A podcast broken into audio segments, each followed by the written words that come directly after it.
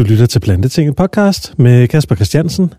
Plantetinget, det er din yndlingspodcast om at spise nogle flere planter. Og i dagens afsnit af Plantetinget, der diskuterer vi plantebaserede snacks med virksomheden By Hansens. For første gang så har jeg inviteret hele tre personer med i podcasten. Det er en af de goder, der er ved at optage online. Man kan have lidt flere folk med. Det er lidt nemmere. Så, og Bay Hansens, de laver sådan nogle øh, kikærte øh, chickpea cubes, som det hedder, og øh, de har en stærk tiltro til, at det vil revolutionere det danske snackmarked. Så sindssygt spændende podcast, jeg har klar til dig i dag. Og øh, lige inden vi går i gang, så skal jeg sige, at Plantetinget er en del af Dansk Vegetarisk Forening. En fantastisk forening, der gør Danmark grønnere. Så jeg tjek dem ud på vegetarisk.dk.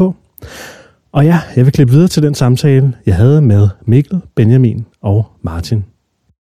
Vi øh, sidder jo her på, øh, på Plantetinget på Riverside FM, og øh, vi har fået endnu en gang pænt besøg af nogle spændende gæster. Og vi sidder mig, Kasper Christiansen, og så har vi vores øh, husfilosof.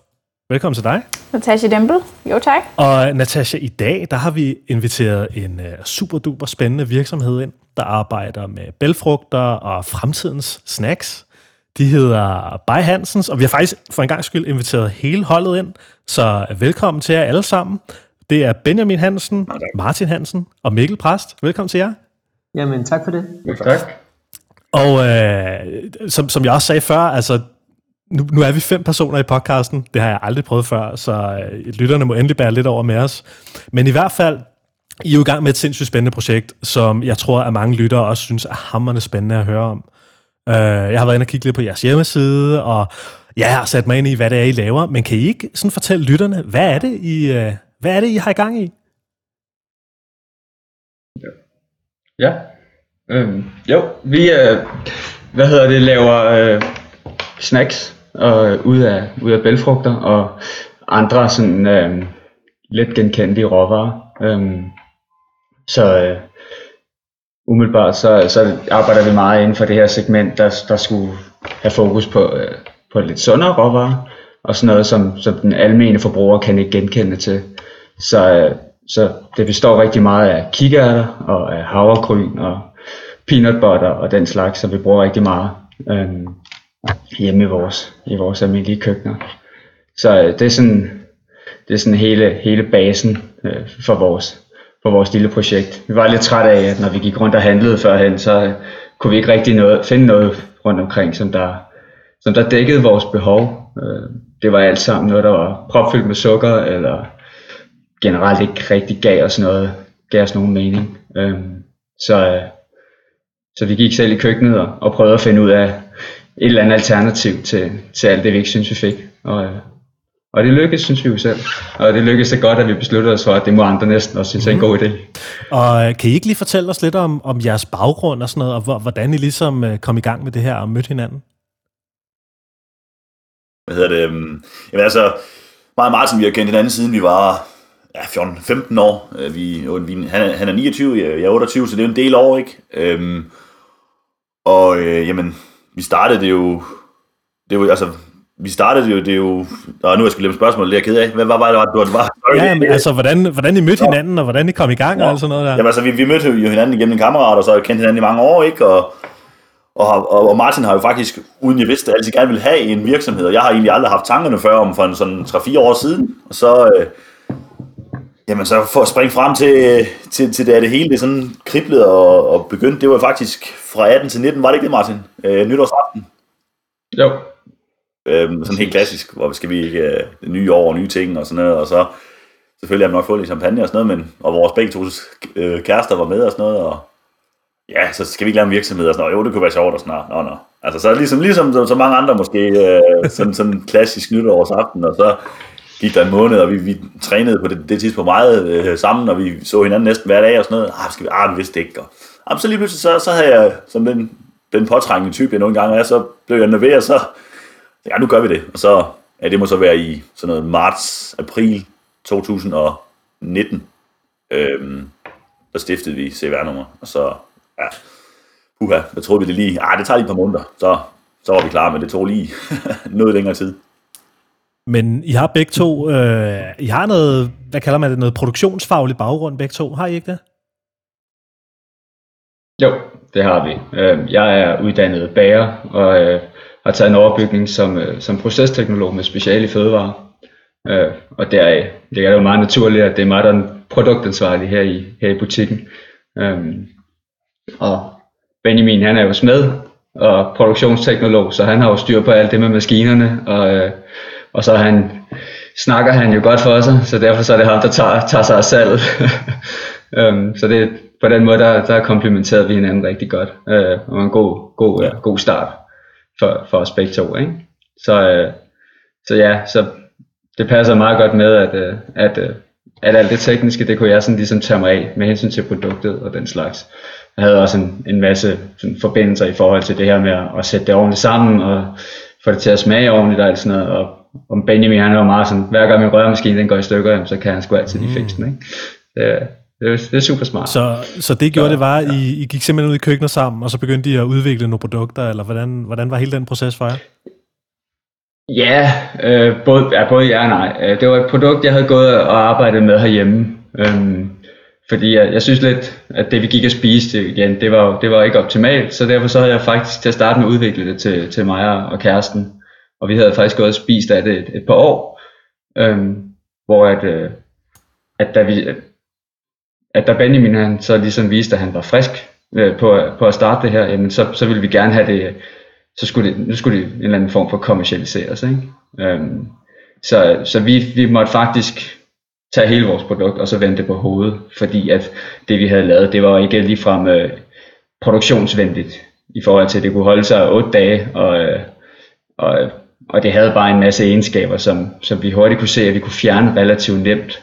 Øhm, altså netop det her med, at, at til at starte med, der troede vi jo, at det var, det var vegansk, men vi havde honning i, og så måtte vi lige ind og læse noget mere op på øh, præcis, hvor det er, grænserne går, Øhm, fordi det var jo noget, der betød meget for os, at, at vi jo gerne vil have nogle af de her segmenter med indover, og, og jamen, det var naturligt glutenfrit og laktosefrit og alt sådan noget, så vi kunne ligesom få, få, få alle de her segmenter indover, så det blev hurtigt en, en opgave om at lade os lave noget fedt og noget lækkert i, i, nogle, i nogle grupper, som der tit og ofte er udskilt, ikke? og som er relativt nye og udfordrende.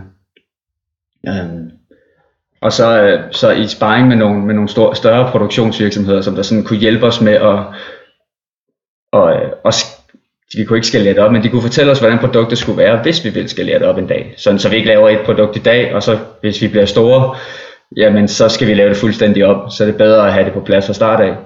Jamen så, så tror jeg, at vi, vi brugte et halvt års tid på, på, på at minglere lidt rundt med det, øh, og få styr på diverse ting. Og det gjorde vi jo selvfølgelig i fællesskab. Øh, Øh, produktet var jo meget mig og Benjamin. Øh, han supplerede jo så, når han kunne, og ellers så var han ude og undersøge, om der var et marked for det. Øh, hvilket vi jo så også fandt relativt hurtigt ud af, at det var der. Ja, det er rigtigt, Martin. Det der, altså, ja. Jeg kan jo tydeligt huske alle, alle de der øh, øh, telefonsamtaler i vores biler, ikke frem og tilbage fra, fra vores job der, og sådan ah, hvordan går det med massen, og ah, jeg, jeg, jeg har lige været og snakke med den café der og sådan noget, og de, de synes, det lyder fedt og sådan noget. Hvornår har vi noget? Ah, men jeg har ikke noget endnu og sådan noget, fordi det er, ikke, den er ikke lige nu og sådan noget. Ah, men Martin, kan vi ikke, og, og det band, undskyld, det bander. Det kommer jeg til nogle gange, det kan jeg ikke styre, sorry. Men altså, men alle de der samtaler, og, og, man kunne mærke sådan energien fra Martin og energien fra mig. Jeg vil bare have noget, jeg kunne gå ud og vise kunderne. Og jeg kan jo ikke vise en halv løsning, så jeg var også nødt til at sådan, og det var jo, ja, jeg ved ikke, det er måske 100 opkald på, på, på de øh, seks måneder, hvis det ikke er mere. Altså, hvornår er det, og massen, og ned til ham producenten, er, er det her okay? Test på hans maskineri, og så få en mail tilbage, der, der er finger, pegefinger ned, ikke? Så, så det gik der meget tid med de første seks måneder der. Ja, det var lidt af en, det var lidt af en rutsjebane. Det Men var det godt nok. Også fordi der var så mange, der var så mange led over, ikke? Men på et eller andet tidspunkt, så kommer I jo, så kommer I jo på plads med en eller anden form for produkt. Ja. Og hvad, hvad er det? Ja, det, øh, vi, kalder, vi kalder det jo, vi, det er jo svært med den navn, fordi vi kan ikke det er jo ikke, det er en konfektmasse, vi har lavet. Men der er jo ikke, du finder jo ikke konfektmasser ude på hylderne, som, øh, som der er de samme ingredienser i som vores. Så det er jo lidt svært at sådan sætte os decideret i bås. Så vi har jo, vi har jo opfundet navnet selv, ikke? Øhm, øh, i og med, at vi kalder det en chickpea cube, og vi, med daglig tale går det lidt som en, som en kikærtemasse. Øhm, og det er jo det her, øh, vi, vi har ni forskellige ingredienser i, øh, og med, med masser af havregryn, masser af, masser af bælfrugter og, og den slags. Øhm, så det, det er jo svært at, det er jo virkelig, virkelig svært at beskrive, hvad præcis det er, men det ligger sig i konfektkategorien øh, på niveau med ja, marcipan, øh, lakridskonfekt. Det er jo det er den samme følelse, du får. Præcis. Det er jo, altså man skal sådan tænke, sådan, hvis man skal, kan tænke en, en, et smagsindtryk, så skal man sådan, altså det er jo, som, som Martin siger, meget vigtigt at sige, det er ikke marcipan, men man skal tænke sådan, marcipan skabelonen, hvis man skal sådan sætte det ind i kasser, og så, så er det bare vores råvej i stedet for. Altså man har det et chokolade overtrukket, som, som Martin siger, kigger af det masse. Mm. Mm. Jeg, var inde, øh, jeg var inde på jeres hjemmeside og se en, øh, en video, hvor øh, at du, Benjamin, du står og snakker og siger, at øh, altså, du virker meget overbevisende, og du virker meget sikker på, jamen altså, om nogle år, så kommer vi alle sammen til at sidde og spise uh, chickpea cubes fredag aften til fredagslægget, ikke? Og, og vi har behov for det her sundere alternativ, og ja. det ligesom er det. Uh, så det virker på mig som om, at I har en tro på, at de her chickpea cubes har sådan et uh, kommercielt masseappel. Øh, Men, uh, 100 procent. Har det det? 100 procent. Altså, nu, nu skal man passe på med, altså, jeg er jo den sælgeren, så jeg, jeg vil jo altid, altså det produkt, jeg har, jeg går 100, altså, går 100 procent ind, altså i det her med, med hud og hår, eller hvad, hvad man siger, altså, vores produkt, det er så godt, altså, så altså, selvfølgelig, det, det, er jo, det er jo bare verdensklasse, altså. Med min fynske accent, ikke? Det bliver ikke bedre. Ja. Altså, det, det er bare kanon. Men, øh, men så på et eller andet tidspunkt i den her proces her, så kommer der jo også øh, en investor med ombord. Præcis. Og ham, øh, ham har vi jo faktisk også med på, øh, på optagelsen her i dag, Mikkel Præst. Ja. Hvordan, øh, hvordan fangede de her drenge din opmærksomhed? Jamen, øh, det var faktisk så simpelt, at jeg øh, var ude øh, lidt på jagt. Jeg har jo et investerings, øh, lille mindre investeringsselskab, hvor jeg sådan investerer i forskellige ting, og min, min baggrund er jo, at øh, jeg er læge øh, i Odense. Jeg er speciallæge endda, øh, så heldig har jeg været. Og øh, så har jeg øh, for nylig afsluttet en MBA, altså en ret høj øh, forretningsmæssig uddannelse, sådan en som direktør og sådan noget. Tam. Det havde jeg brug for at tage, så jeg kunne følge forretningerne og selv drive øh, de her virksomheder, som jeg har startet op. Jeg har været meget over i medicinalindustrien, jeg har været meget over i, øh, i militærindustrien faktisk også, øh, med nogle virksomheder. Jeg har været med i Løvens Hule en gang også, øh, også så, så, så for mig var det faktisk øh, en, en længere rejse for at komme hen til det her med det grønne og det plantebaserede.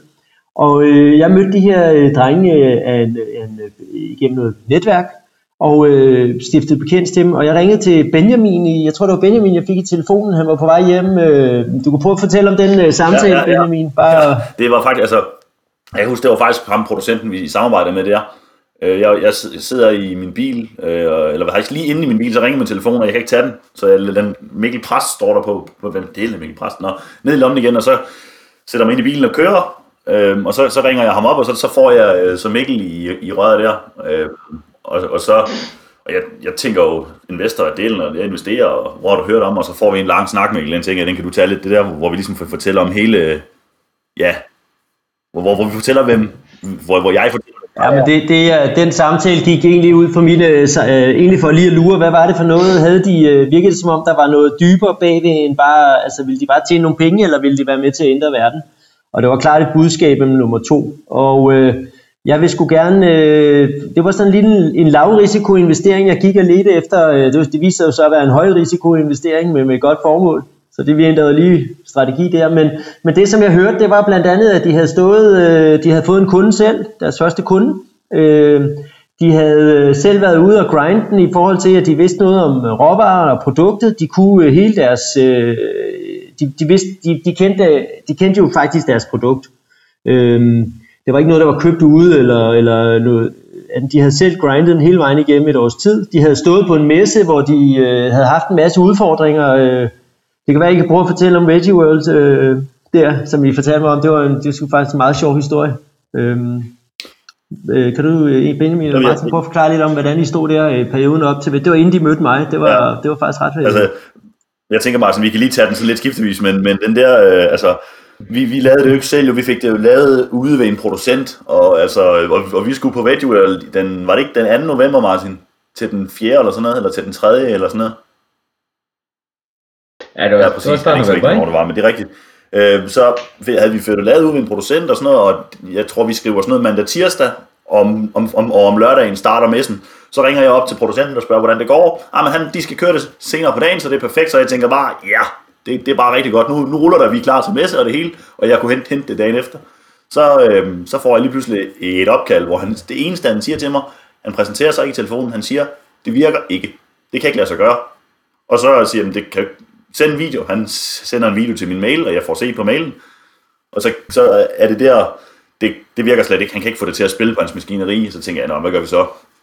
Nå, øh, vi må jo øh, op til ham, producenten. Den masse der, som han har lavet, den må vi så den Martin fra sit arbejde, der hvor han det var tæt på øh, hans arbejde, øh, så måtte vi så tage den masse øh, i de, efter de bedste fødevareregler, transportere den ned til en anden producent, øh, og få ham til at og få, få det til at spille. Så lige vidt, det resulterer i øh, torsdag kl. 18, der jeg kunne jeg køre forbi producenten og hente vores, øh, vores færdige cubes, og så kunne vi øh, som fredagen efter arbejde køre øh, til Kø- Kø- København og, og stille op. Øh, så, så det var sådan rimelig, rimelig crazy. Jeg, jeg sov ikke så meget lige i de dage der. Altså, man kunne ikke komme op på en, man kunne ikke komme på en messe med fødevare, uden at have fødevare med jo. Altså, det, det går jo ikke. Nej. Og det er jo den, faktisk den historie, jeg tænkte mest på som investor, fordi det betyder, at når man har en masse, man arbejder med et materiale, så sådan rent øh, virksomhedswise, så det at have øh, problemer og udfordringer, det gør det bare sværere øh, i forhold til andre at producere det. Så sådan rent op frank, så kan det vise sig at være en bedre investering, fordi der kan være nogle forretningshemmeligheder i det her.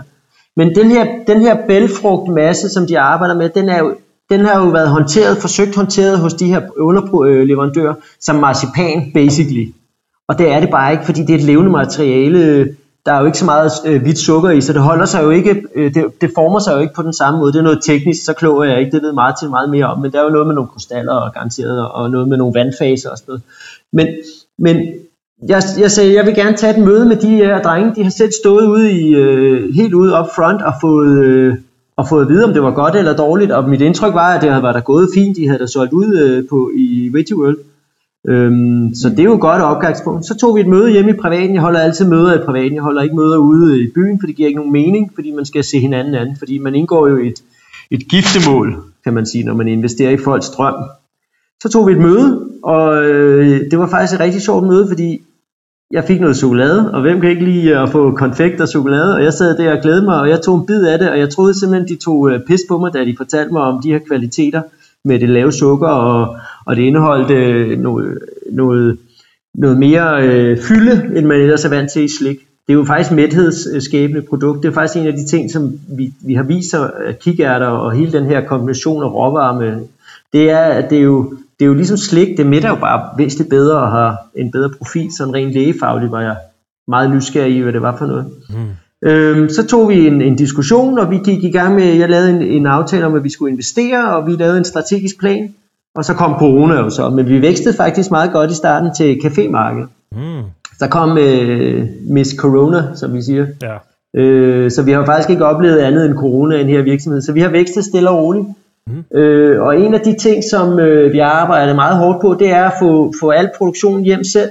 Øh, øh, simpelthen den, hele den her råvarehåndtering, øh, få, få, få løst de problemstillinger, der kan være i sådan en, en, en levende masse, som ikke er fuld af sukker som konservering, det, det, det er ikke ukompliceret, det er at sige sådan. Jeg var meget overrasket. Jeg ville hellere have opfundet en ny øh, sprøjtepumpe eller noget medicinsk udstyr, fordi det kan jeg finde ud af. Øh, men der har vi jo heldigvis en bager med, og, og, en, og en, en mand, som ved noget om teknisk udstyr, så det, det er en proces som ongoing. Øh, men rent investeringsvejs, så havde jeg ikke troet, at jeg skulle have været i en grøn investering. Nej. Det, det må jeg sige. Men det er jo utroligt spændende. Det er jo meget levende og dejligt miljø omkring, og giver jo god mening. Ja. Og så var der lige den arbejde bare, det var faktisk den primære grund til, at jeg investerede. Det var jo, at jeg fik noget chokolade, noget konfekt, og det tog jeg, og så øh, stak jeg den lige til min datter på 6 år på det tidspunkt, og hun spiste løs. Og så tænkte gud, kan det virkelig lade sig gøre, at man kan, man kan stikke bælfrugter ind i munden på hende? Altså det havde været en umulig opgave, havde det været pakket ind i en anden form. Ja, og det kunne jeg godt tænke mig at snakke lidt mere om, de der bælfrugter der. Fordi uh, nu, nu er Fødevarestyrelsen jo kommet med nogle nye kostråd, og, og for første gang i, i Danmarks historie, så anbefaler myndighederne nu, at vi skal spise bælfrugter. Og, øh, og det er jo, øh, det kan man sige, det er jo et meget sjovt sammentræf. Men så kunne jeg også tænke mig at høre på, hvorfor lige kikærter? Altså, hvorfor har I ikke taget bønner, eller ærter, eller hestebønner, eller, eller en helt fjerde? Øh, det er, jeg tog som regel udgangspunkt i, i de ting, der var i hjemmet øh, til at starte med. Og, øh, og kikærterne, det er sådan, jeg synes, det er en af de mest smagsneutrale bælfrugter, som vi har. Og det var, det var lidt vigtigt for, at det ikke gik ind og fik for meget indflydelse. Øhm, specielt da vi gik i gang med at kommercialisere det, der, der havde vi en meget klar målsætning om, at hvis det var noget, der virkelig sprang i øjnene, så, så troede vi, det ville blive meget sværere for folk at spise det. Så hvis vi kunne få det kamufleret, så du ikke kunne smage dem, men at de var der, og så måske, øh, når man handler med den almene forbruger, så, øh, så bare gøre opmærksom på de kvaliteter, den har, uden nødvendigvis at gøre så meget opmærksom på det, jamen så kan vi få proppet nogle rigtig, rigtig gode råvarer og gode produkter ind i folk, øh, uden at de har alle de her fordomme, som vi vidste og regne med, at vi ville få. Øhm, men, men det er primært fordi den er så dejligt smagsneutral, og så selvfølgelig fordi at den, den buner af kvaliteter. Ikke? Øh, der er masser af kostfiber, masser af protein og masser af gode ting i det. Øhm, men hvordan så, sælger man ja. uh, en fødevare, som er så sund? Altså, jeg, jeg ved, at, at vi har ligesom en lovgivning, hvor der er nogle helt bestemte anprisningsregler. Altså, det er jo begrænset, hvad du må sige om et produkt, der måske er mega sundt, mm. Men, uh, men man skal lige skære den der markedsføringsmæssige kage rigtigt i forhold til, hvad man kommunikerer på sine produkter. Så hvordan mm. sikrer I at kommunikere på en måde inden for lovens rammer og sige, at de her kikærter, de er faktisk mega sunde? Ja, skal jeg tage den? Jamen, det er jo faktisk noget, ja. vi har lige fået bevidnet nogle midler fra erhvervshusene i, øh, i vores region også øh, til hele den her øh, storytelling omkring bælfrugter og, og, og så videre. Men vi har et, et, et mantra, vi bruger, det er, at vi laver hverdagskonfekt. Det vil sige, det er jo ikke, altså det er jo morgen, det er til morgen, middag og aften. Det er jo, øh, det indeholder kun ting, som du, kan, du kender i forvejen, som du vil spise til morgenmad, eller du vil spise til frokost. Øh, det er jo en salat i en snack, det er jo en, en, øh, en gang havgryn, øh, det er et havdrik, det er jo, øh, det er jo ting, som er øh, omkring os i hverdagen, så vi går ikke ind og sælger det som, øh, nu skal du sønde, eller nu skal du gøre det ene og det andet. Det er egentlig bare almen fornuft, hvad du vil spise. Men det er en ekstremt svær øh, positionering i markedet, fordi at øh, vi er jo ikke en, øh, en dadelbar eller en rawbar, som der er, har været i de sidste 10 år har været et kæmpe øh, behov for øh, at brande på os, og som ligesom er taget ind. Og vi er heller ikke en fin kaktusstam. Vi har jo en helt anden profil. Vi er jo mere mættende og mindre sukkeragtige. Det er jo ikke ting, der er kogt ned. Så, så vi kalder det hverdagskonfekt, og, det, og nu er der jo så en af dem, men der er, jo, der er jo egentlig ikke nogen grænser for, hvad vi kan putte ind i en hverdagskonfektmasse. Det vil så være forskellige produkter. Vi har selvfølgelig en løbende udvikling af vores produkter. Øh, så det her, det er et sammentræf af, at der havde den rigtige profil, øh, og Martin og Benjamin havde ret, ret god viden om at proceshåndtere det, men så også samtidig med, at det er jo utrolig godt, der er jo magnesium og zink og alle mulige andre gode ting i det, så der er jo ikke noget galt med profilen af, af kikærter. Men, men det er rigtigt, der, der var jeg udfordret jeg jo faktisk, øh, fordi vi havde brug for noget viden, så jeg inviterede de to drenge med til en lille messe for den almindelige forbruger ude i, øh, var det Fredericia eller Vejle øh, bolig og livsstil, eller det var? og, øh, kan I prøve at fortælle lidt om den her oplevelse? Nu har de jo stået og fået så meget ros i Veggie World, så der tænkte jeg, at må vi, lige, øh, vi må lige komme ud til den mainstream, fordi hvis man skal lave noget om her i verden, så, så er det jo rigtig fint, at der er 10.000 veganere og så videre, så videre, og rigtig mange øh, flexitarer, men det er jo, vi skal jo ud og ændre det ude i den mainstream. Vi skal jo fjerne øh, sneakersbaren, øh, øh, som er fyldt med alt muligt skidt. Øh, ikke sige noget om sneakers, men typen af, af slik, ikke? Så prøv at fortælle mig, hvad vi tog jo på en messe, en helt almindelig forbrugermesse, ja. hvor der var møbler og ostehandler. Madbolig og, og designmessen i Fred, Fredericia. Øhm, og, og det var jo, øhm, ja, der, der var vi over sidste år, i øh, foråret der. Øhm, og det var, som Mikkel sagde, det var jo den, den almindelige forbruger, øh, som var der. Og der fik vi også bare, øh, altså, hvis man skal sige det sådan lidt pænt, vi, øh, vi blev sat på plads den første dag om, om lørdagen. Alle de gode ting, vi havde fået fra Ready World, åh, oh, hvor det er lækkert produkt, og altså folk synes stadig, det var lækkert i Fredericia, men det vi havde fået at vide i, i Veggie World i København, der var altså, alt det ros, det var lige blevet vendt op, og vi var, det skulle nok gå godt i Fredericia og sådan noget, men om lørdagen, der blev vi lige sat på plads. Øhm, fordi det, kikærter, det kan du ikke komme i, øh, det kan du ikke overtrække med chokolade jo og sådan noget. Det var, altså, fordi det, det, var sådan, det var ikke det, de sagde, men det kunne man se på dem. Det var det, de mente, når man fortalte om vores produkt, ikke? Øhm. Og der var også decideret flere, der sagde det? det. Altså, jeg var, jeg var meget chokeret over, der stod voksne mennesker og sagde ad til os, op i vores åbne ansigter. Altså folk på vores bedsteforældres alder. Og, øh, så det var, det var en, specielt den første dag var, det var en meget chokerende oplevelse, meget lærerig. Øhm, netop som Benjamin siger, med al den ros, vi havde fået. Du kan godt se, det her, det er, det er Fredericia, og det er, det er virkeligheden. Øhm, Så, så, så vi, vi prøvede virkelig, om vi kunne, om vi kunne takle på, på, nogle, på nogle andre måder, fordi at øh, når vi fortalte dem, hvad der var i, efter de havde smagt det, jamen, så endte de jo som regel. Så alle konerne, de endte med at stå og grine af mændene, fordi nu havde de endelig fået lukket nogle grøntsager i dem. Og øh, det var sådan set det eneste, det resulterede i. Det endte bare med et grin, og så gik de videre. Mm. Så, øh, Men det er jo... så på, vores, øh, på vores anden dag dernede, der kiggede vi lige rundt, og så blev vi enige om, i dag der hedder det ikke en, øh, en kikærtemasse, i dag der hedder det en nødemasse. Og øh, der vendte responsen lige øh, 180 grader en gang til fordi så var det lige pludselig spisbart. Og det var lidt der fordommene, de, ja, de blev i tale. Jamen det, var, det er det, der så, er interessant også som investor. Hvordan kan vi, hvordan kan vi ramme i markedet, øh, hvor vi kan ramme den almindelige forbruger og gøre gavn derude, øh, sagt på en pæn måde, dem der er veganer og vegetarer og flexitar, de har jo allerede taget en aktiv beslutning om, at det er okay at spise noget, som, som er på en anden måde, end vi er vant til. Det er jo ligesom lidt mere friske mennesker, hvis man kan sige det sådan.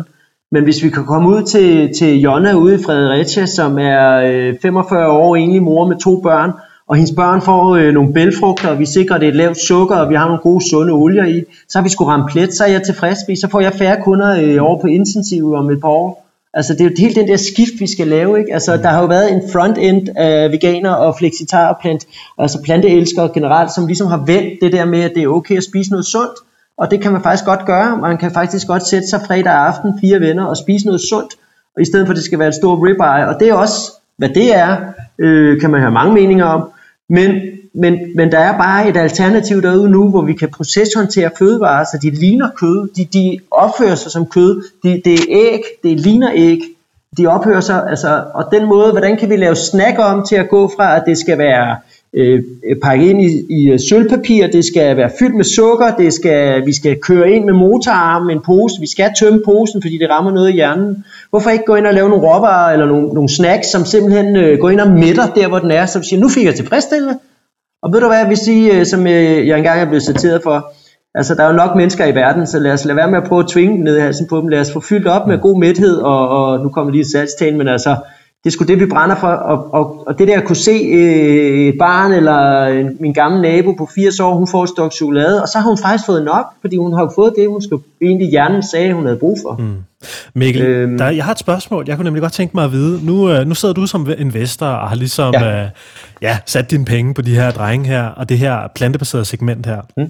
Man kan sige, øh, hele det her fødevaresegment, øh, jeg kunne forestille mig, at øh, altså sådan nogle investorer, som, som du måske sidder i netværk med, Mikkel, de, øh, altså, der, altså sådan noget med teknologier og, og fintech og lad os sige øh, forsyning, vindmøller, solceller og sådan noget. Altså det er jo, det er jo meget mere hot. Er det, ikke, er det ikke meget mere hot, og der, er, der ikke, er der ikke større sikkerhed i sådan en investering, end at hoppe ind på, på fødevaremarkedet? Jeg kunne også forestille mig, at der er heller ikke så stor øh, avance på de her fødevareprodukter her, som for eksempel øh, i de teknologiske øh, genre. Jo, altså det er helt klart, øh, når jeg diskuterer med mine kollegaer, jeg, jeg er medlem i Business Angel netværket, hvor vi får rigtig mange forretningscases præsenteret, og meget af det er jo tech, øh, specielt Odense, hvor jeg er, det er jo meget robotorienteret øh, og IT. Og det er jo også, øh, jeg har selv været med i det, og, og det giver jo rigtig god mening, at man kan reducere energiomkostninger og sådan noget. Men fødevare, der var jo et meget klart signal, øh, vi vandt jo øh, iværksætteriprisen nummer to øh, over, og der var faktisk øh, også øh, tech, teknologi øh, involveret, som, ikke, øh, som vi faktisk toppede over som fødevare. Og det var et ekstremt interessant signal. Jeg tror simpelthen, at tiden er kommet til, at øh, nu, nu, nu har vi de store tech-innovationsfonde og hubs og sådan noget, men nu kunne fødevarene komme frem. Det kan vi jo se, der er jo flere fødevarehubs, øh, der dukker op, Øh, der er mulighed for, at vi i Danmark kan sætte os øh, i et marked, hvor vi kan få lokale råvarer. Vi kan jo stort set producere rigtig mange, for eksempel de her bælfrugter. Øh, vi, kan, øh, vi kan have en anden leverance en anden kontrol, en anden værdi af, af vores fødevarer. Øh, kineserne elsker jo danske fødevarer, tyskerne elsker danske fødevarer. Det, det, altså fødevarer er altså er den næste, det tror jeg simpelthen er den næste generation af investeringer. Og vi kan hente rigtig meget, fordi vi har ret meget viden fra universiteterne også, og sådan noget om, hvordan vi, vi håndterer. Fordi den her, for eksempel en case af den her konfektmasse, det er altså ikke bare, det, det kan du bare ikke producere. Det kræver nogle helt særlige betingelser, når man ikke skal have alt det sukker i. Det, det, er, bare, det er kompliceret, det er højteknologisk. Øhm, det, det, det er det er god gammeldags øh, omhu for råvarer, det kan man sige. Mm. Og vi skal jo også have omlagt, hvis vi begynder at spise mindre kød, så har vi også et problem i Danmark sådan rent øh, business-wise, fordi vi tjener jo desværre rigtig mange penge på, på grise og, og, og kødindustrien, og det kan jo stille og roligt erstattes til det her. Det ser jeg i hvert fald som et alternativ. Ja. Det er det, jeg har lovet min datter i hvert fald. Okay. Men, øh, men hvor er det, I sælger de her øh, chickpea cubes og konfektmasse henne? Altså, hvem er, hvem er det, I afsætter til? Altså, hvad hedder det, sådan helt, helt kort, altså sådan rent salg, vi har jo vores webshop, men, men sådan, altså tanken også for lige at gå tilbage til, hvor vi ligesom før coronaen, der, da vi fik lagt strategi, det var jo også helt fra start af, at vi skulle gå ind på café, kaffebar, restauration og så hotel. På den måde B2B, vi havde jo ikke tænkt B2C-delen, den kom så på grund af coronaen meget jept, men det er kaffebar, café, og på den måde at komme ud øhm, og ligge tilgængelig for, for øh, café forbrugeren, øhm, og altså consumeren kommer ud i frontlinjen. Øhm, ja, det, det, det er egentlig B2B-delen, café, kaffebar var, var vores første del, og så, så selvfølgelig have en øhm, B2C-del, altså en webshop, som vi så fik stadig på benene. Mm. Det var egentlig det, der sådan var, og det er det, vi sælger dem. Øhm, så kan man sige, så kom coronaen, og, og så nåede vi ikke at få en, altså jeg skal lige korrekte mig selv, vi fik ikke en webshop, vi kom på noget, der hed Core Crowdfunding, lige da, da coronaen startede, der faciliterede de deres hjemmeside Coop, og så kunne man lægge sit projekt op og sælge sine råvarer som en lille producent. Øhm, og det gik jo strygende i forhold til coronaen, øh, og så, så fik vi så på bagsiden af det, fik vi lavet vores egen webshop, og har sideløbende selvfølgelig solgt det, vi kunne i caféerne, da de åbnede op, men naturligt ikke særlig, ikke, ikke, ikke særlig godt marked lige nu, da, da det hele er lukket, selvfølgelig på grund af coronaen. Øhm, men, ja, det, det, Men hvad så? Ja. I, skal vel så ind i nogle... Øh, I er vel så på vej ind i nogle supermarkeder på et eller andet tidspunkt? Eller det er noget, jeg kan høre er på tegnebrættet. Hvordan øh, forløber det? Ja, den kan jeg lige tage. Altså det, det der jeg mødte drengene der øh, tilbage for lige, lige godt et år siden, der var det jo sådan, at de fik produceret alle deres varer ude, og det gjorde, at priserne var jo relativt høje. Øh, vi fik trukket øh, produktion hjem, vi er lige flyttet til Ørbæk her i, i, i januar måned, øh, december, januar måned. Og øh, nu kan vi begynde at pakke ind på en professionel måde. Vi, får, øh, et, vi har et udviklingsprojekt omkring emballering og så videre, så det, det, det spiller i forhold til butikkerne. Og så er strategien faktisk, at vi skal ud i detaljdelen. Men, men øh, man kan sige, vi, vi drømmer jo om at komme ud i mainstream i supermarkeder og så videre. Men som et rigtig godt alternativ til det, der ligger ude af, af snackbarer i øvrigt øh, til, til vores segment. Så vi er, øh, vi, vi, det går fremad langsomt, stille og roligt. Øh, og nu, øh, nu kommer det næste punkt, det bliver hele emballeringsdelen, fordi det er et helt andet spil, øh, når man kommer ud i supermarkederne og sådan noget. Men hvordan gør I med det? Emballage og emballagevalg og sådan noget. Det ved jeg også. Nu har vi snakket med nogle andre fødevarevirksomheder her i podcasten, som også øh, har tænkt, at oh, men selvfølgelig skal vores emballage være bæredygtig og og genanvendelige og what not, men der er bare nogle fødevaresikkerhedsmæssige udfordringer forbundet med de der lidt mere øh, komposterbare ting. Men hvad, hvad har jeres refleksioner været omkring det? Mm. Altså man kan jo sige, i forhold til hele det, så vi har jo fået, da vi startede ud øh, med, med, med konceptet her, der havde vi jo et produkt, som var pakket ind i sådan en høstemballering, hvis man kan sige, til et høstmarked. Sådan håndpakket, det, det, alt er jo stadig håndlavet, men, men det er jo pakket ind i hånden også, og, og nu har vi så fået en maskinhjælp, så vi kan flowpakke det. Det er sådan en anden måde teknisk set, ligesom en sneakersbar eller en, en isbar. Øh, bæredygtighed og, og det her genanvendelse af ressourcer, det er faktisk kommet ret meget. Det er på vores eneste, altså alle vores møder, vi har, der står det op som en af de top tre punkter, vi diskuterer gang til gang. Fordi det er jo en balancegang hvis vi, hvis vi sagde, vi vil ikke have bæredygtighed i vores produkter, øh, nogen vil købe det, nogen vil ikke købe det, men, men prisen vil jo være billig. Altså, hvis vi, hvis, hvis vi gik øh, væk fra vores, en af vores manifestpunkter for virksomheden, det er, at vi skal gøre det så lokalt, vi skal gøre det så bæredygtigt, vi skal gøre det så sundt som overhovedet muligt.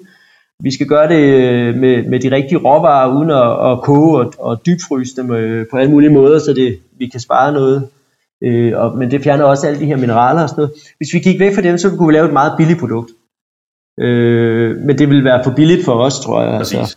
Så det er jo en svær diskussion. Vi diskuterer det hver eneste gang, og jeg tror ikke, vi har endt det, det rigtige sted nu, fordi der er bare et marked derude, der dikterer en pris. Så, så hvis forbrugerne er villige til det, så er vi jo all over it, som man siger. Præcis. Vi kan bare ikke rigtig risikere at gå konkurs, hvis vi ikke kan. Det er jo, det er jo pokker svært, det der. Det, det er et dilemma uden lige.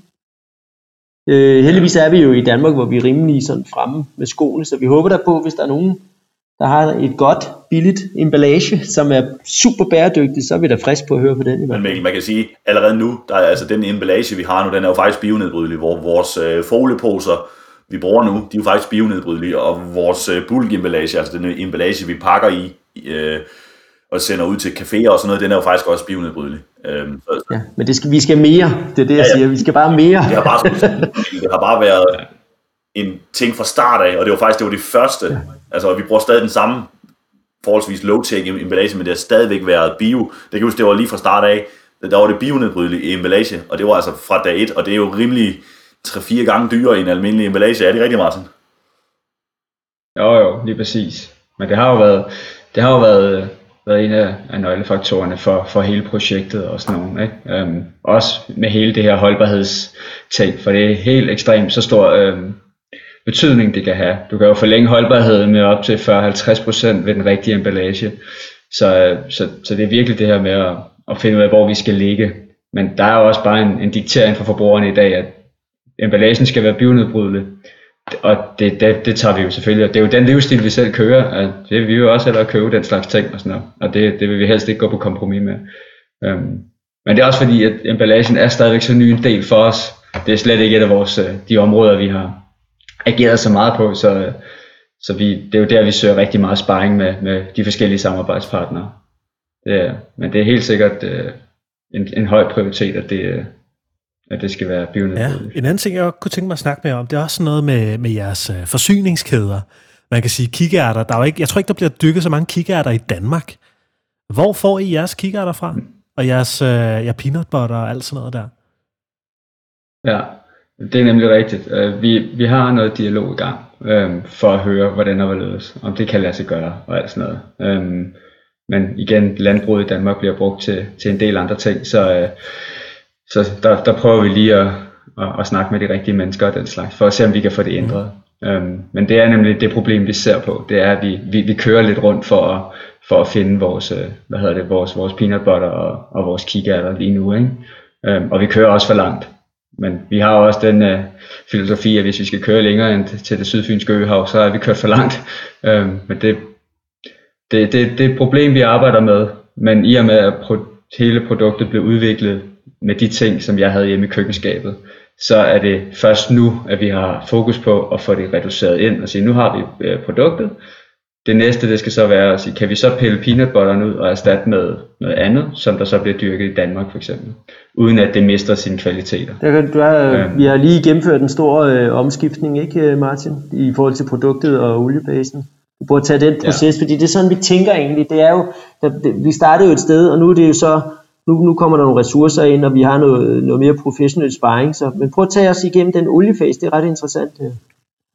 Ja, det var meget simpelt, Jamen, øh, det var kokosolie, vi altid har brugt herhjemme, og, øh, og det var det, som jeg i samarbejde med producenterne ligesom øh, gav den bedste måde at slippe de her valser på, så man skulle køre øh, massen igennem.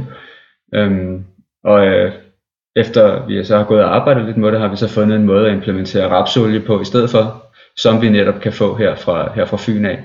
Øhm, og, og den kan med vores egen forsøg, den kan slippe på præcis samme måde. Øhm, så, så en relativt kort øh, proces, vi har kunne gøre med, med kokosolien, vi har kunne skifte den ud med mm. rapsolie. Og det er så det er jo, det er jo første step, ikke? Ja, og man kan sige, det interessante her, øh, Kasper, det er jo, at som investorperspektiv, når vi går ind og udskifter kokosolie, som er relativt øh, det er et kedeligt produkt i forhold til, at det skal ligesom transporteres. Vi har, vi har vist kun kokospalmer op i øh, Nordjylland et sted på en strand. Så vi ved jo godt, øh, at det, den har jo de, den har haft nogle anprisninger igennem periode, som vi måske ikke har holdt helt vand. Øh, men det, det er jo også dyre. Det er jo et dyre produkt øh, at bruge kokosolie, og når vi så kan bruge, øh, jeg kan aldrig udtale det rigtigt, de driller mig, jeg kalder det raspolie. Er det rigtigt sagt, drenge? Raps. Raps. Rap. ja. øh, det er jo væsentligt billigere, så det, vores produkt holder, øh, det får en bedre smag, får bedre tekstur, får en bedre konsistens, øh, Øh, og vi kan faktisk bare køre ned og hente det i baghaven. Og det, det, det mm. viser virkelig, det er en øjenåbner som virksomhed, at vi faktisk kan arbejde på den måde. Mm øh, at man faktisk kan lave øh, konfektmasse mere og mere lokalt. Det, det er jo vildt, altså øh, man kan sige, i forhold til marcipanen er det jo meget øh, sådan i forhold til mandler og alle de der ting, men vi kan jo begynde at arbejde med nogle processer, øh, og det er jo det, altså nu er vi jo øh, i et tidspunkt i virksomheden, hvor vi skal skalere op, og, og, og en af de toppunkter i vores udviklingsproces i virksomheden, det er, at pengene skal selvfølgelig gå til marketing og branding, det, det er der jo selvfølgelig en, en vis natur i, men, men øh, sammen med den, ligestillet med den, er det jo at få det mere og mere lokalt. Altså det, det er simpelthen, og det er der faktisk en god forretnings, øh, faktisk en meget forret, god forretningsidé øh, i at gøre så kan vi også kende, hvor, så ved vi også, hvor det er fra, og vi kender den landmand, der står der, og, øh, og han, han høster øh, tre måneder før, vi kan få det, og så videre, så videre. Ikke? Jo. jo, men jeg tænker måske også, der kunne være noget sundhedsmæssigt i det, ikke? Altså nu er der ret meget mættet fedt i kokosolie, så, så, så man kunne ligesom smide det der mættet fedt over bord. Mm. Uh, men jeg ja. ved ikke, om det har nogle produktionsmæssige fordele eller ulemper, men uh, ja. Øh, det er, jo, det er jo så det, vi, vi, vi også undersøgte i samme øh, ombæring, ikke? at det, det, var, det var faktisk det samme, selvom vi var blevet rådet til noget andet dengang. Øhm, så, så der havde vi også lige en, en tidligere partner, der blev lidt klogere på det hele. Ikke? Øhm, Men det er også igen, så, markedet ja. dikterer, ikke? fordi øh, siger du, der er kokosolie, det kan den almindelige forbruger, det har de jo købt ind i nu af det sunde alternativ. Så, så det er jo lidt en ommer, så skal vi jo så tilbage til noget, vi brugte for 80 år siden. Ikke?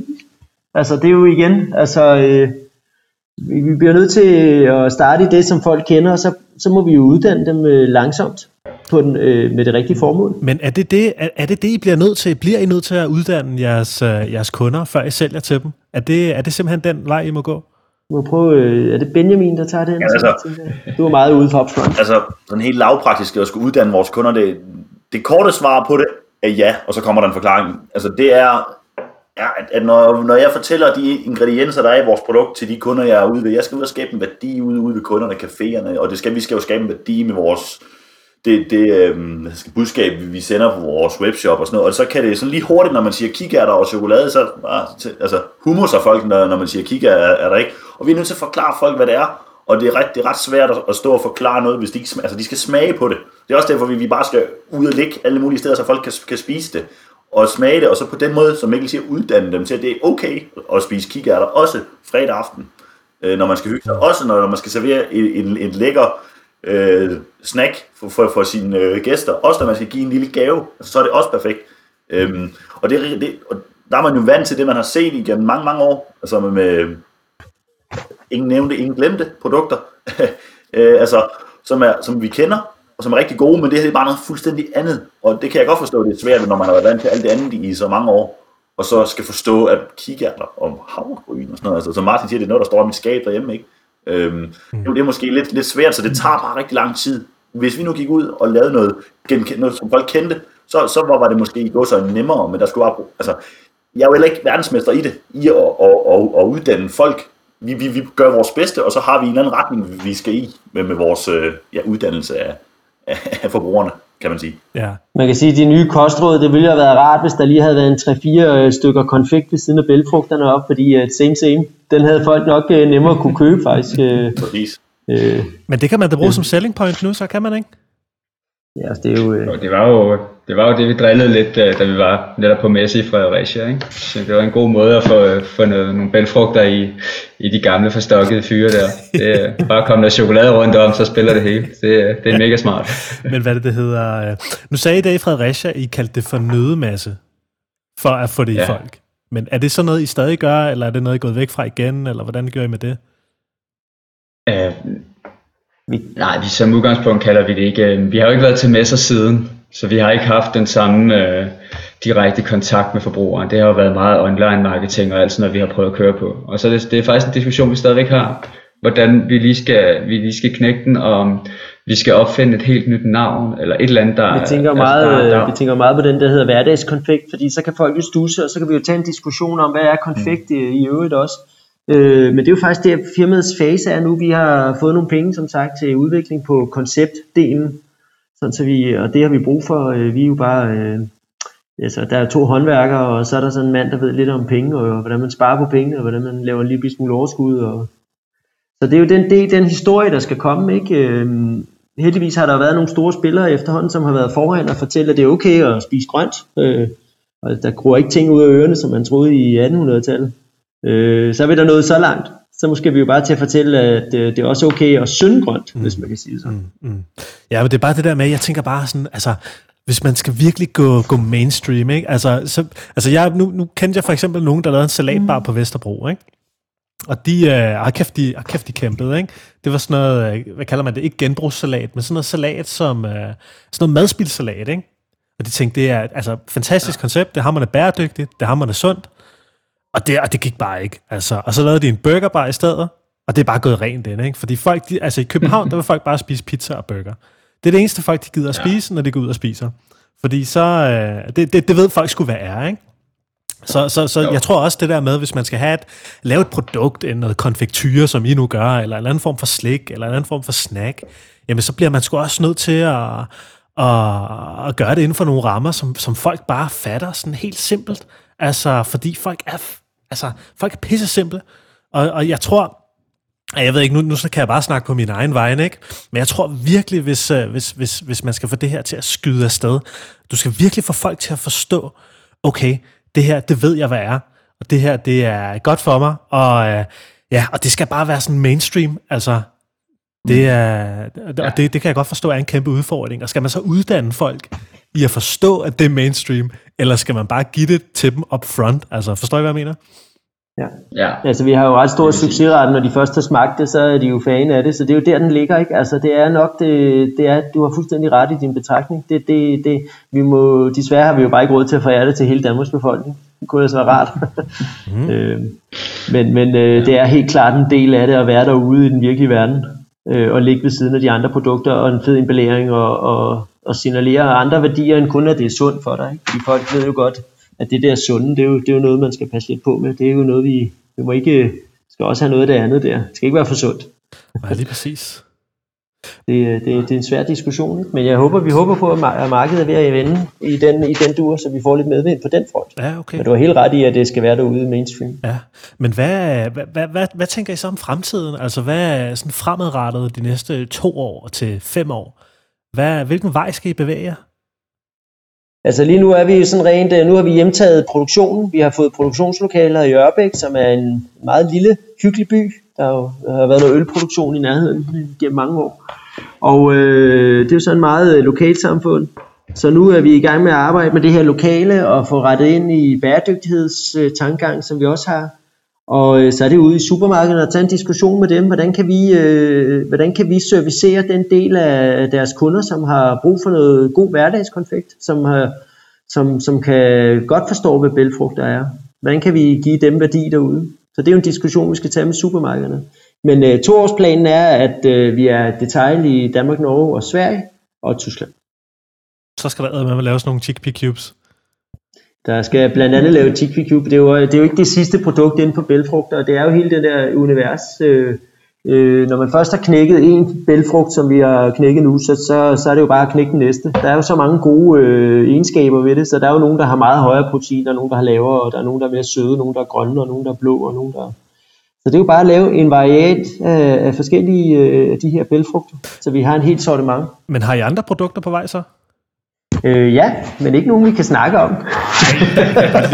jeg kan godt lide break in her i podcasten. Ikke? Det, er jo, uh, det er jo jeres kernesegment, der sidder her og lytter hungrende. Vi kan sige så meget, at, at øh, hvad kan man sige, for lige, for lige at skøjte den af en gang, så kan vi fortælle, at tænk på, før kartoflen kom, der spiste vi jo bælfrugter i Danmark.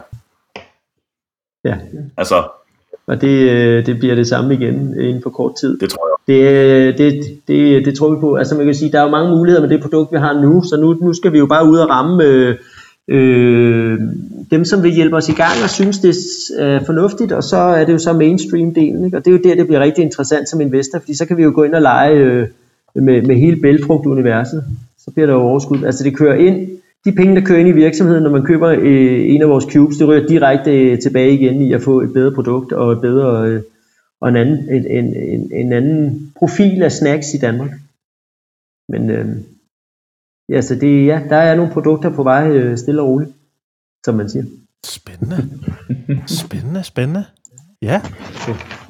Så, øh, så begynder vi sådan lidt at være, være rundt om det, faktisk. Øhm, ja, jeg tænker også bare sådan helt generelt, hvad, hvad, hvad ser I ske på sådan det plantebaserede segment? Jeg kan forstå, I, uh, I har vel nogle folk, I snakker med. Jeg ved, at de der Coop crowdfunding der, de laver vel også nogle arrangementer, hvor man kan møde andre iværksættere. Jeg ved, at det der Coop crowdfunding der, der kører også ret meget uh, på det plantebaserede. Altså tror I, tror I, det er et segment i vækst, og tror I, vi alle sammen kommer til at spise plantebaseret om 10 år, eller hvad, hvad, hvad ser I ske? Ja, det, det er der ingen tvivl om. Man kan se, øh, vi har jo alle sammen øh, ekstra jobs ved siden af, og alt sådan noget ved siden af vores virksomhed. Jeg arbejder blandt andet i fødevareindustrien, øh, og bare inden for vores, det er inden for kager, hvordan, der kan vi se, hvordan det eksploderer øh, med, med udvikling til omkring øh, det veganske, det plantebaserede og alt sådan noget. Det, det seneste års tid, der har vi jo allokeret 70% af vores tid til nærmest udelukkende at fokusere på de her grønne, øh, de grønne løsninger. Og, og det er selvom det store billede, det er i og omkring Europa, ikke? som er en meget lille del af, af verdensmarkedet. Ikke? Så øh, jeg er ikke et sekund i tvivl om, at det, det er den vej, det kommer til at gå fremadrettet. Folk bliver mere og mere oplyste og, og finder hurtigt ud af, øh, hvad, hvad, hvilke egenskaber og hvor meget mere vi kan dyrke på det samme areal. Øhm, og hvor meget mere effektivt det er. Ikke? Altså, vi kan dyrke en kikært, og så kan vi komme direkte i munden, i stedet for at vi skal dyrke noget foder, komme det i en gris, og så altså hele den der proces der, det bliver vi meget mere bevidste om. Så, øh, så jeg er ikke i sekund i tvivl om.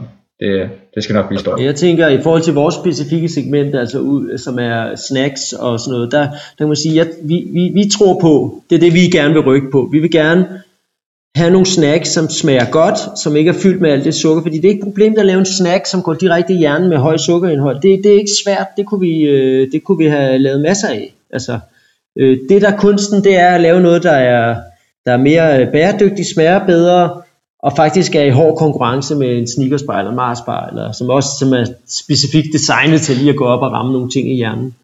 Øh, og det, det, det er det, der bliver interessant. Hvem, hvem, øh, hvad for nogle snacks er det, der kan, hvor at de plantebaserede kan gå ind og konkurrere øh, på bedre, øh, med bedre perspektiver, og så bedre ændring af markedet. Øh, det er jo ikke sikkert, at vi kommer af med, med, med, med, med nogle af de lidt kedelige snacks. Øh, jeg er stor fan af chips, men jeg kunne da godt tænke mig, at der var nogle chips derude, som var lavet lidt mere måske på, på noget kikærte eller noget bælfrugt, øh, så jeg også kunne komme op på min 100 gram om dagen. Eller grønkål, grønkålschips. Ja, altså hvis det smager godt, det er, det er jo fint, fordi det, når du siger grønkålstips, så tænker man jo, ja, man kan jo godt tænke lidt, er det lidt kedeligt, eller hvad er det? Men gør du det rigtigt, arbejder du med materialet rigtigt, sikrer du, at den rammer umamien i hjernen, bliver den ristet på den samme måde, altså på den rigtige måde. Det er jo ikke sikkert, at man bare skal stege grønkål for at lave det, eller lang, øh, langkål, altså få fjernet den der med, altså så få nogle processer ind i, så det, så det, så det er designet rigtigt i fødevaren. Mm. Alle kan blande i en skål, men, men kan vi løfte den op, så det er et godt produkt? Det er jo det, der bliver spændende med de her varer. Jeg tænker også på de der mm. flapjacks, når man står nede i, i supermarkedet. Mm. Ikke? Altså, der er jo kommet rigtig mange af de her havregrynsbar på, ja. på hylderne, når man står lige ved kassen, ikke? hvor det før måske havde været Mars og Snickers, så er det havregrynsbar. Uh, mm. Og så, så kan jeg også se nede i min lokale netto nu, nu er de også begyndt at sælge en masse proteinbar op ved kassen mm. også. Så man kan sige, at hele det segment der, der ligger deroppe ved den kasse, det er blevet skiftet helt ud. Er det også et, et sted, er det, er det det sted, I håber på, I kan, I kan komme til at sidde?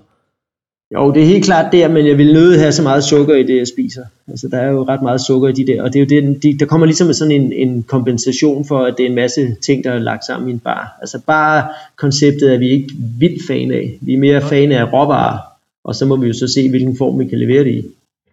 Øhm, okay. Tænker jeg. jeg. I må jo rette mig, drenge, hvis jeg er lidt hård der. Nej, det er, jo, det er jo fuldstændig rigtigt. Og så er der også til forskel for, for mange af de her specielle proteinbarne, så, så går vi jo også rigtig meget efter, at folk skal kunne forstå, hvad det er, der er i.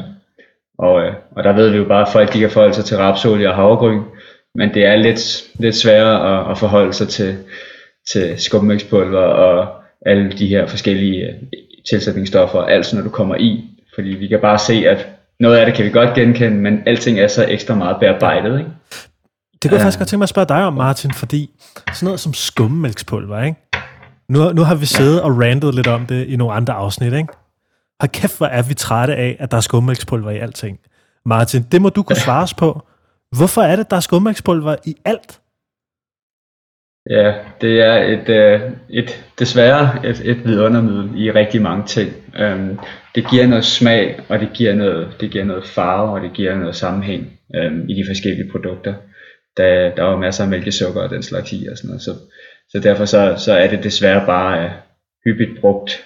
Um, så det er, et, det, det, det er det gode alternativ i forhold til, eller det ikke et godt alternativ, men det er i hvert fald alternativet i forhold til, til det, der ellers er derude. Ikke? Og sådan også rent prismæssigt, i og med skummælkspulver, jamen det er jo typisk Arla, som der, er, som der sælger det. Ikke? Og i og med, at de er de, er de største, jamen så kan de jo også bare, hver gang der kommer en passende konkurrent, der kan det samme, men så dumper de bare prisen. Mm.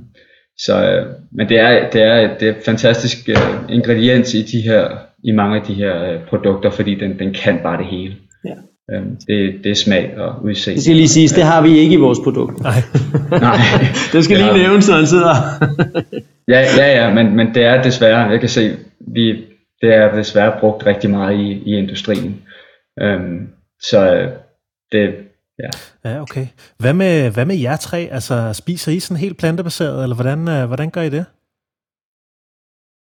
Ja, øh, ikke, ikke fuldstændig plantebaseret, øh, men, øh, men delvist. Øh, der en gang imellem kommer der lidt fisk eller et eller andet, men ellers så, øh, så kører vi øh, i hvert fald herhjemme øh, en rimelig, rimelig rå. Øh, så, øh, og det er sådan lidt et, et fælles kompromis, vi sådan har prøvet at, at, at finde. Øh, vi har begge to prøvet at køre det fuldstændig, øh, fuldstændig vegansk, men vi kunne ikke rigtig finde ud af, om det var noget, vi bildte os ind, eller hvordan er det løst med, om man synes, man manglede et eller andet og et eller andet. Øhm, det kan også være, at vi var, det er jo ved at være et par år siden og sådan noget, at, at vi kørte den fuldstændig. Så øh, det kan godt være, at vi, vi var lidt for hurtigt ude eller et eller andet i forhold til alle de alternativer, der er. De er jo eksploderet i dag, så jeg tænker, det er blevet noget nemmere at finde alternativer. Mm. mm. Ja, jeg spiser, jeg har boet et par år i, i Asien, så jeg har haft tofu under huden i mange, mange år, før det overhovedet kom til Danmark, så det spiser jeg meget af, og så... Øh, så er det primært fisk, øh, som jeg faktisk øh, får mine proteiner fra til fra kød. Så det der, nu må vi jo se, hvad der sker. Så må vi jo finde, om øh, når de danske fiskere derude har problemer med at fange fisk, så, så må vi håbe, at der er nogen, ligesom vi vil lave snacks om, og der kommer nogen og laver et rigtig godt alternativ til det. Præcis, Mikkel. Altså, jeg, jeg har det også, altså, øhm, guitar, jeg ved, ikke, jeg ved ikke lige, hvad man kalder det, men altså, jeg har også, jeg, jeg, min, jeg har en fritidsinteresse, der hedder fiskeri, ikke? Så altså, jeg, jeg har naturligvis fisken, ikke? Øhm, men som sagt, som også Mikkel og, og Martin siger, jamen, altså, jeg har jo hele tiden det der med, jeg har jo det plantebaserede, jamen, det, det er jo bare en del af hverdagen jo. Øhm, og, og sådan er det, når man har sådan en virksomhed, så det, det skal man, og det, det er jo en del af os jo. Altså, vi kan jo ikke, man kan jo ikke have en plantebaseret virksomhed, og så være det hele personligt, være det hele modsatte jo. Altså, det, det går jo ikke. Øh, det er jo, men man er nødt til at være det med hud og hår. Mm. Du forstår. Ja, så er der også det lægefaglige det, det man ved jo bare, at man lever længere, jo mere grønt man spiser. Ja. Jo, jo, jo. Så den tager jeg gerne. Ja, men det er også bare fordi det her med, altså det er jo, jeg, jeg, nu, nu kender jeg efterhånden et par stykker, der har etableret sådan veganske iværksætterivirksomheder, og de er sådan, de er sådan meget ideologisk forankret, ikke? Altså de tror meget på, at, at det veganske, det er, det er det rigtige, ikke? Og at det plantebaserede segment ligesom stryger der ud af, og så selvfølgelig skal vi afstå fra at bruge animalske ingredienser i vores uh, produkter. Uh, så, så det er meget sjovt lige at høre jeres uh, sådan forhold til det. Hvor, hvor Jamen, selvfølgelig skal man det, uh, selvfølgelig skal man bruge animalske, eller ikke animalske produkter, når det er muligt, og vi skal simpelthen arbejde og tvinge markedet til at give os nogle alternativer, det er der, den ligger. Altså hvis, vi ikke, hvis der ikke er penge i det, og nu, nu bliver den lidt hård inden for investor synspunkt, hvis der ikke var penge i det her projekt, så havde den været svært for meget at drive i snart halvandet år på, på, i forhold til, når jeg skulle ned til banken og sådan noget. Men banken er jo også interesseret. De kan jo også godt se, at der er noget i det. Så jeg tror, hvis jo flere er sådan nogen som os, der kommer ud, øh, som de her drenge, som gerne vil lave om på, hvordan ser vi det her, altså øh, at vi ikke får ting, der vokser ud af ørerne på os, og, og, og simpelthen gøre det mainstream og sige, det er okay, og, og fortælle de store virksomheder, det kunne jo være smukt, hvis vi kunne fortælle Arla, at prøv lige at høre, hvis I bare lige laver noget, som er kompenserer fuldstændig øh, i jeres produktion, og I kan omlægge den med god økonomi, så var den der jo også, så havde vi jo heller ikke mælk, øh, så havde vi jo kun havredrik. Så det kommer jo langsomt. Der er jo nogle af mælkeproducenterne, der er begyndt øh, at producere øh, plantebaseret også, fordi de kan jo også godt se, at der kan være en forretning i det, og det er det, der er det spændende. Mm. Det er at prøve at lave en forretning ud af det, få nogle gode business cases, komme ud og fortælle, øh, at det er okay, øh, faktisk, når man spiser øh, plantebaseret bacon, som er derude på markedet, at det faktisk smager bedre, og det er faktisk et bedre alternativ. Så er den der jo også. Der er jo ikke nogen, der gider at spise det, der smager dårligere. Det giver jo ingen mening. Øh, det har været sådan, det har været, i forhold til det plantebaserede, har det jo nok afskrækket mange i mange år at investere i, fordi at man ved, at det er netop det ideologiske plan, og du, altså investerer du i et politisk parti, eller investerer du i en forretning? Ja. Jeg har investeret i en forretning her, der kommer til at lave om på, hvordan vi ser plantebaserede snacks og konfekt. Altså, det er der forretningen er. Fedt. Natasha, sidder du og, og brænder ind med noget, du sidder sådan og, og lytter? Jeg synes, det er super spændende der. Jeg håber, at det bliver et produkt, der bliver mere udbredt, og bare generelt også, altså at, at der kan være sådan lidt mere... Øhm, det kan være mere okay at spise sunde snacks, fordi det bliver der meget set ned på nu, men når man skal lov at synde, så skal man også synde. Det håber jeg, at der bliver ændret på. Ja, det, det gør vi. Vi skal nok ændre den. Bare roligt. Fedt. De her, har I noget, I sådan afslutningsvis har lyst til at tilføje her til, øh, til dagens podcast, inden vi lukker helt ned? Altså, jeg synes, det er jo øh, dejligt, at vi kunne få lov at bidrage lidt til øh, at komme ud med noget af det, vi brænder for. Det synes jeg, det har været en spændende øvelse for os. De drenge har jo siddet i kælderen i, i lang tid, og vi prøver jo at komme ud på trods af corona, så det er jo rigtig godt, at vi kan få lov at, og forhåbentlig få noget feedback derude også, af hvad folk synes, og kom gerne med noget kritik, det kan vi skulle bruge til noget. Altså, vi, vi skal ud og lave om på det her. Det, er ikke, det, er ikke, det, det bliver ikke i morgen, det bliver i overmorgen, så er den der. Og det kan vi kun med fælles indsats. Så det er vi fandme set frem til. Undskyld, jeg bander. ja. Hvad med jer to, Benjamin og Martin? Har I noget, I afslutningsvis sidder og brænder ind med? Nej, ikke lige det, øh, det har været en fornøjelse at prøve. Hvad for noget siger du, Martin? Så det har været en fornøjelse ja, præcis. Altså, det er, jo, det er jo første gang med en, en podcast, og så, så er det jo så er det, altså, og så er det, i virkeligheden er det bare mega fantastisk, det her projekt, der startede hjemme i, uh, i Martins lille køkken. Altså det her projekt, ikke, som man har brugt al sin tid på, og nogle gange spørger min kæreste for meget tid. Uh, altså, og som ja, i virkeligheden bare folk, der vil høre om det. Altså, uh, det er jo fantastisk at få lov at, at fortælle om det, man egentlig brænder for. Uh, i, i sådan helt. Det er fantastisk, og er der nogen, der vil høre, høre på en? Hvad kan I, øh, drenge, kan I ikke lige bare lige runde af med at sige, hvorfor vi hedder Bay Hansens? Åh oh ja, det gør vi jo, fordi at, øh, at øh, vi hedder Martin Hansen og Benjamin Hansen, og øh, når man i engelsk sætter et S bag på noget, så er der jo flertal. Så Bay Hansen. Så det er sådan helt, ah. det, det er sådan helt nede på jorden. Fedt. Cool. Jamen, øh, du lyttede til, til Plantetinget podcast. Og øh, jeg håber, du synes, det var interessant og spændende og berigende at høre om øh, Bay Hansen og deres nye kikærte-produkter. Jeg synes i hvert fald, det var hammerende spændende at høre lidt om en, øh, en ny sej iværksættervirksomhed med nogle uh, initiativrige mennesker. Og hvis du også synes, det er spændende at lytte til, så er du meget velkommen til at tage et screenshot af, at du lytter til den her podcast her, og lige del på Instagram eller Facebook, og lige tag Plantetinget og Bay Hansen, så sige, hey, jeg lyttede lige til Plantetinget med Bay Hansen, så det var mega spændende at høre om de her nye fremtidige kikærte-snacks og øh, ja, konfektmasseprodukter. Og øh, ja, selvfølgelig så kan du følge Plantetinget på Facebook og Instagram, og du kan støtte os på det, der hedder plantetinget.tier.dk. Vi elsker dem, der støtter os på tier, fordi I gør, at vi kan holde podcasten kørende, og vi kan blive ved med at lave de her fantastisk fede interviews med fantastisk spændende mennesker. Så ud det, så vil jeg bare ønske dig en fantastisk dejlig dag. Og så trykker jeg lige på stopoptagelsen her,